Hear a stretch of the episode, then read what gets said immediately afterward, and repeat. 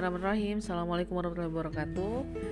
Eh, Kita teruskan kembali teman-teman untuk book summary bagian kelima Dari bukunya Carol Atkinson dengan judul Reflection for Working Woman. Terakhir sekali saya mereview buku ini sekitar tiga bulan lalu ya. Ya as a working woman jadi udah mulai bener-bener berasa gitu jugglingnya dengan beberapa amanah dan tanggung jawab yang mana perlu untuk uh, saya khususnya ya uh, sesekali merefleksi gitu, tentang tanggung jawab tentang uh, beberapa tugas yang bukan hanya itu di pekerjaan gitu ya nah jadi buku ini sebelumnya saya udah cerita empat bagian sebelumnya tentang at home, company politics, working relationships, sama leadership. Hari ini kita mau membahas bagian kelima yaitu teknik. Jadi maksudnya apa? Jadi ada beberapa hal teknis yang mungkin uh, kita sebagai wanita berkarir itu lupa gitu ya. Tapi hal ini penting. Yang pertama uh, reward yourself. Jadi dibilangnya di sini In an ideal world, all your efforts and achievements will receive recognition and rewards. Jadi idealnya effort kita, terus beberapa prestasi kita di tempat kerja, ya, misalnya ngerjain pekerjaan on time, bahkan tidak diminta kita menyelesaikannya, itu harusnya kita bisa mendapatkan recognition dan rewards gitu ya, dapat penghargaan. Unfortunately, nah tapi sayangnya itu nggak selalu ada gitu. Untuk itu it's okay kalau misalkan kita give our self recognition for our accomplishment. Jadi nggak apa-apa kalau misalnya kita sendiri itu nggak usah nunggu dari orang yang menghargai. We have to start from us. Jadi kita kita duluan gitu yang menghargai diri kita. Uh, mungkin kita ngasih uh, apa ya kayak small gift gitu. Kalau misalnya kita udah menyelesaikan suatu pekerjaan atau suatu target. Jadi kita dulu yang harus mengetrit atau menghargai diri kita. Nah, ini ada uh, contoh case-nya ya. Di mana dia itu uh, awalnya itu sering procrastinate. Uh, procrastinate itu menunda-nunda pekerjaan. Jadi kayak nggak tahu kenapa mungkin dia kerjaannya dia kayak udah mulai boring gitu ya. Sebenarnya dia oke, okay, ini namanya Mbak Charlotte ini kalau di uh, studi kasusnya ya, dia seorang accounting. Dia sering procrastinate uh, kerjaannya sehingga menyebabkan permasalahan gitu uh, ditagih oleh atasannya dan segala macam lah. Nah akhirnya dia mulai memberi permisi uh, give herself permission ya to buy a small scented soap or lotion each time she finish a project. Jadi dia ngasih kayak small reward untuk diri dia ketika dia uh, menyelesaikan kerja project-project kecil begitu.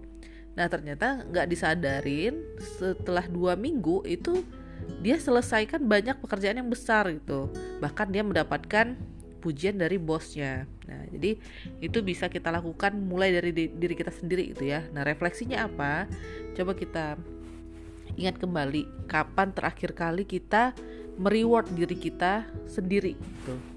Ya mungkin rewardnya itu bisa kita beristirahat sebentar atau kita membeli sesuatu yang kita pengen gitu. Atau mungkin sekedar es krim atau makan di mana begitu kan. Nah itu juga bisa tapi bukan berarti setiap hal-hal yang kecil pun harus di reward terus gitu ya. Nah seterusnya make a list of tangible or intangible things you could offer yourself for the future reward. Nah selain kita juga coba mengidentify kapan terakhir kita mereward diri kita kita coba membuat list apa yang kira-kira uh, hal yang pengen kita kasih ke diri kita. Bahkan mungkin sekedar jalan-jalan, jogging atau ngelihat pemandangan apa gitu ya. Nah, itu juga bisa uh, di dimasukkan sebagai reward untuk diri. Yang kedua, don't deal with home at work dan sebaliknya. Jadi jangan bawa pekerjaan rumah ke kantor dan jangan bawa pekerjaan kantor ke rumah gitu. Kenapa? Karena dua-dua ada porsinya masing-masing. Di sini uh, Having family responsibilities and concern just has to make you a more understanding person on the job. Jadi sebetulnya kalau kita punya dua posisi itu ya both uh, kerja dan juga rumah itu sebetulnya ada benefitnya yaitu kita bisa belajar bagaimana membalancekan itu bukan membalancekan mengharmonikan ya. Terus juga kita bisa memahami orang-orang uh, lain di tempat kerja juga gitu. Nah refleksinya uh, how many times in last week did you have to stop working on a task in order to deal with a problem at home? Jadi be pernah nggak beberapa hari atau beberapa waktu ke belakang kita terganggu gitu kerjaan kita karena kerjaan rumah Nah, terus kita juga pikirkan apakah memang semua itu harus kita yang ngerjain. Misalnya ngunci baju, terus belanja ke pasar, masak gitu ya. Nah, apakah semuanya itu harus kita sebagai e, ibu atau istri yang bekerja yang harus menyelesaikannya? Nah, gimana kalau misalnya kita coba divide atau delegasikan pekerjaan itu dengan family member yang lain, dengan anggota keluarga yang lain gitu? Atau bahkan it's okay kalau memang harus meng-hire uh, helper gitu ya bantu misalnya. Kan itu kan bagi-bagi rezeki juga ya. Next uh, beberapa hal teknis lainnya yang perlu kita coba uh, pelajari sebagai wanita yang bekerja itu just say no. Jadi harus berani ini kalau dalam psikologi asertif ya berkomunikasi asertif itu ya ketika enggak ya bilang enggak gitu. Karena terkadang kita mungkin terlalu overwhelmed atau burnout sampai ya kalau misalkan uh, dalam bekerja itu kayaknya letih gitu. Kayak banyak banget pekerjaan gak berhenti berhenti gitu ya. Karena kita mungkin terlalu mengiyakan apa-apa yang uh, diminta gitu. Baik itu di tempat kerja mungkin seharusnya itu bukan kerjaan kita tapi ada yang minta tolong ya udah kita iyain atau mungkin teman misalkan ngajak ke mana gitu. Seharusnya bisa gitu ya. Tapi e, bisa nolak misalnya karena kita udah banyak banget kerjaan cuman kita iyain atau mungkin uh, yang remeh gitu ya tetangga di komplek misalnya. Nah kalau memang bisa kita say no dan itu maksudnya nggak urgent-urgent banget bisa kita ambil waktu untuk kita istirahat ya udah nggak apa-apa berani berkata tidak gitu. Jadi jangan yes man aja. Ya. Um, di sini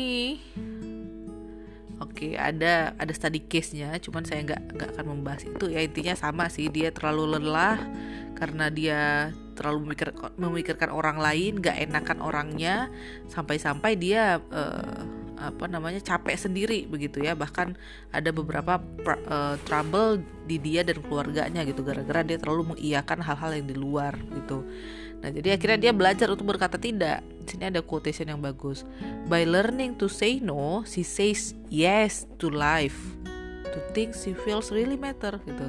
Jadi ketika kita belajar untuk berkata tidak, kita berkata iya untuk the real our our life gitu ya. Siapa ya mungkin anak-anak, pasangan atau bahkan mungkin ya temen gitu yang jarang kita keep in touch begitu. Nah, reflectionnya apa? beberapa hari atau beberapa minggu terakhir kita ngerasa overwhelmed nggak? Ngerasa capek banget gitu. Nah, kalau memang iya coba di refresh lagi di review lagi. Why? Ya apakah kita terlalu mengiyakan semua kerjaan yang diminta? Terus what will happen if you cut back your work hours and trim volunteer activities nah, gimana kalau misalnya kita uh, ya udah cut back apa namanya hmm, tidak tidak apa what would happen if you cut back your work hours and trim volunteer activities. Nah, jadi kalau misalnya kita tidak melakukan pekerjaan eh, kita instead of itu kita ngelakuin volunteer activities itu gimana? Ya otomatis kerjaan kita akan numpuk kan? Kenapa? Karena kita meluangkan waktu kita kepada volunteer activities tadi gitu. Nah, seterusnya 10 years from now, jadi 10 tahun dari sekarang itu kira-kira apa yang paling important untuk diri kita itu. Apakah uh, yang volunteer tadi, apakah pekerjaan atau family itu. Nah, jadi itu harus kita refleksikan. Oke, okay, seterusnya hal teknis yang harus kita take into account juga adalah tentang know when to let go. Jadi it's impossible. Eh salah, dia bilang sini it's not possible to have it all in one time. Jadi ini sama ya, mirip sama yang sebelumnya tadi. Kita harus berani untuk mendelegasikan tugas kita, mengevaluasi tugas kita, dan mengeliminasi bahkan kalau memang hal itu tidak diperlukan. Jadi kita harus tahu mana yang important, mana yang benar-benar prioritas bagi kita gitu ya. Ya otomatis home and family kan. jadi kita berusaha untuk uh, learn more about life love and laughter gitu jadi hidup kita tuh bukan hanya tentang pekerjaan tapi kita ada juga hal-hal lain yang harus kita pikirkan dan prioritaskan itu ya caranya gimana ya kita rearrange lagi itu responsibility kita atau tanggung jawab kita dan kita fokus pada hal-hal yang benar-benar eh, matters ya benar-benar penting gitu. Seterusnya one thing at a time.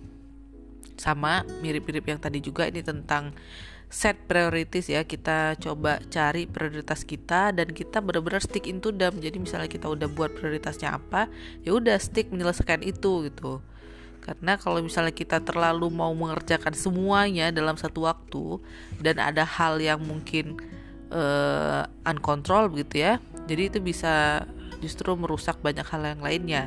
Contohnya apa? Misalnya kita dalam waktu yang sama uh, mau menyelesaikan pekerjaan deadline habis itu kita mau mengajar juga habis itu kita mau uh, men, uh, ngajar ngajar uh, anak gitu ya misalnya. Nah itu akan susah gitu kalau misalnya ketika itu ada trouble misalnya di komputer. Wah itu bakalan benar-benar under pressure gitu kan. Jadi uh, refleksinya adalah uh, pernah nggak udah dalam beberapa hari ini atau beberapa beberapa waktu terakhir kita itu panik gitu. Ketika misalkan ngerjain sesuatu cepet cepet paniknya misalnya ada halangan atau mungkin ada trouble gitu ya ketika kita menyelesaikan pekerjaan. Nah kalau memang kita sangat cepat panik mungkin karena kita melakukan banyak hal dalam satu waktu gitu. Oke, okay, next uh, hal teknis yang dua terakhir ya yaitu don't fear failure. Jadi jangan takut untuk gagal. Ya udah kita kadang terlalu perfectionist ya sampai-sampai akhirnya kita um, menyusahkan diri sendiri begitu. Jadi give your yourself permission to fail. Jadi nggak apa-apa kalau memang kita udah berusaha maksimal lalu misalnya ada kesalahan, ada kegagalan itu it's okay that wajar gitu dalam prosesnya untuk kita uh, menemui kegagalan nah, yang terpenting gimana kita belajar dari kegagalan itu atau kesalahan itu biar tidak mengulanginya lagi dan terkadang justru kalau misalnya kita sudah pernah melakukan kesalahan akhirnya ke depannya kita akan lebih hati-hati lagi gitu ya. Nah ini ada uh, studi kasusnya di mana uh, seorang ibu-ibu ini dia bekerja lima tahun ya di flow floor designer ya toko bunga ya yang mana dia ngerasa kayak jenuh gitu lama-lama. Akhirnya dia mencoba mengambil um, ya ini nggak nggak takut gagal ya dia mencoba mengambil langkah besar yaitu resign dan membuka toko sendiri itu karena dia merasa jenuh tadi begitu. Ketika tiga tahun pertama dia ternyata tertatih-tatih gitu tapi dia terus go on aja akhirnya ketika tahun keempat dan kelima dan seterusnya bahkan dia akhirnya bisa membuka cabang. Nah jadi refleksinya apa? Kita ada nggak gitu secret dream yang kita benar-benar pengen tapi kita takut gitu untuk mencobanya? Nah coba di ditarik kembali gitu mimpi-mimpi kita itu dan mencoba jangan takut untuk uh, mencoba ya. Kita nggak tahu gagal atau nggak kalau kita belum nyoba gitu kan. Seterusnya ada nggak kira-kira lima tahun atau tiga tahun terakhir ini kita tuh nggak mau mengambil sesuatu hal karena kita takut resikonya. Nah mungkin kita coba lagi mungkin ya mungkin yang tadi itu beberapa dreams kita tadi itu oke okay, nah ini bagian terakhir yaitu look the part look the part ini adalah dress for the position that you want to have not the one you already have achieved. Jadi uh, ini lebih kepada hal teknis dari segi appearance ya atau penampilan. Kalau dibilangnya itu coba kita pakai baju itu yang kita pengen achieve gitu bukan yang kita udah punya. Misalnya kita seorang apa ya kita misalnya kayak saya seorang dosen gitu saya pengen jadi konsultan. Nah ber uh, berpenampilanlah seperti seorang konsultan gitu. Kalau misalnya saya pengen jadi seorang konsultan gitu. Nah kenapa? Karena ini memang orang bilang don't judge the book by its cover gitu ya. Tapi it matters gitu. Kalau misalnya kita bajunya lusuh jadi nggak mesti harus mahal ya. Bukan mahal sih tapi lebih kepada bersih rapi fresh itu kelihatannya. Kalau kita lihat sendiri kan misalnya orang-orang yang di apa eh, pengadilan ya lawyer gitu. Itu rata-rata kan bajunya tuh rapi-rapi kan bahkan pakai jas gitu. Ketemu kliennya. Nah kenapa? Karena memang eh, bagi mereka ya appearance itu great deal ya. Kalau misalnya kita di bank gitu kan kan profesional sekali gitu penampilan penampilannya orang akhirnya juga mikir oh ini nggak bisa main-main nih kalau udah penampilan aja profesional kayak gitu gitu. Nggak nggak sebarangan lah ya gitu. Nah ini ada studi kasusnya di mana eh, Mbak Koni itu dia di hire sebagai administrative assistant ya. Terus dia juga sama gitu ada beberapa orang ya tidak lama dari dia juga di hire juga kan. Nah tapi dia bingung setelah beberapa tahun dia kerja kenapa dua orang yang lain itu dipromosikan? Lebih tinggi jabatannya.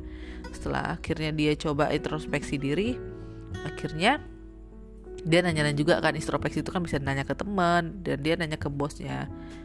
Nah rupanya eh, salah satunya adalah karena dia pakai bajunya ya asal-asalan aja gitu. Sedangkan dua temennya yang lain tadi pakai bajunya itu rapi gitu ya. Sehingga lebih meyakinkan gitu untuk mereka diangkat sebagai mungkin manajer atau supervisor begitu. So refleksinya eh, kira-kira coba kita sendiri deh menilai penampilan kita dan tapi dari sudut pandang sebagai bos. Kalau misalnya kita bos punya anak buah yang seperti kita, berapa yang mau kita kasih nilai gitu.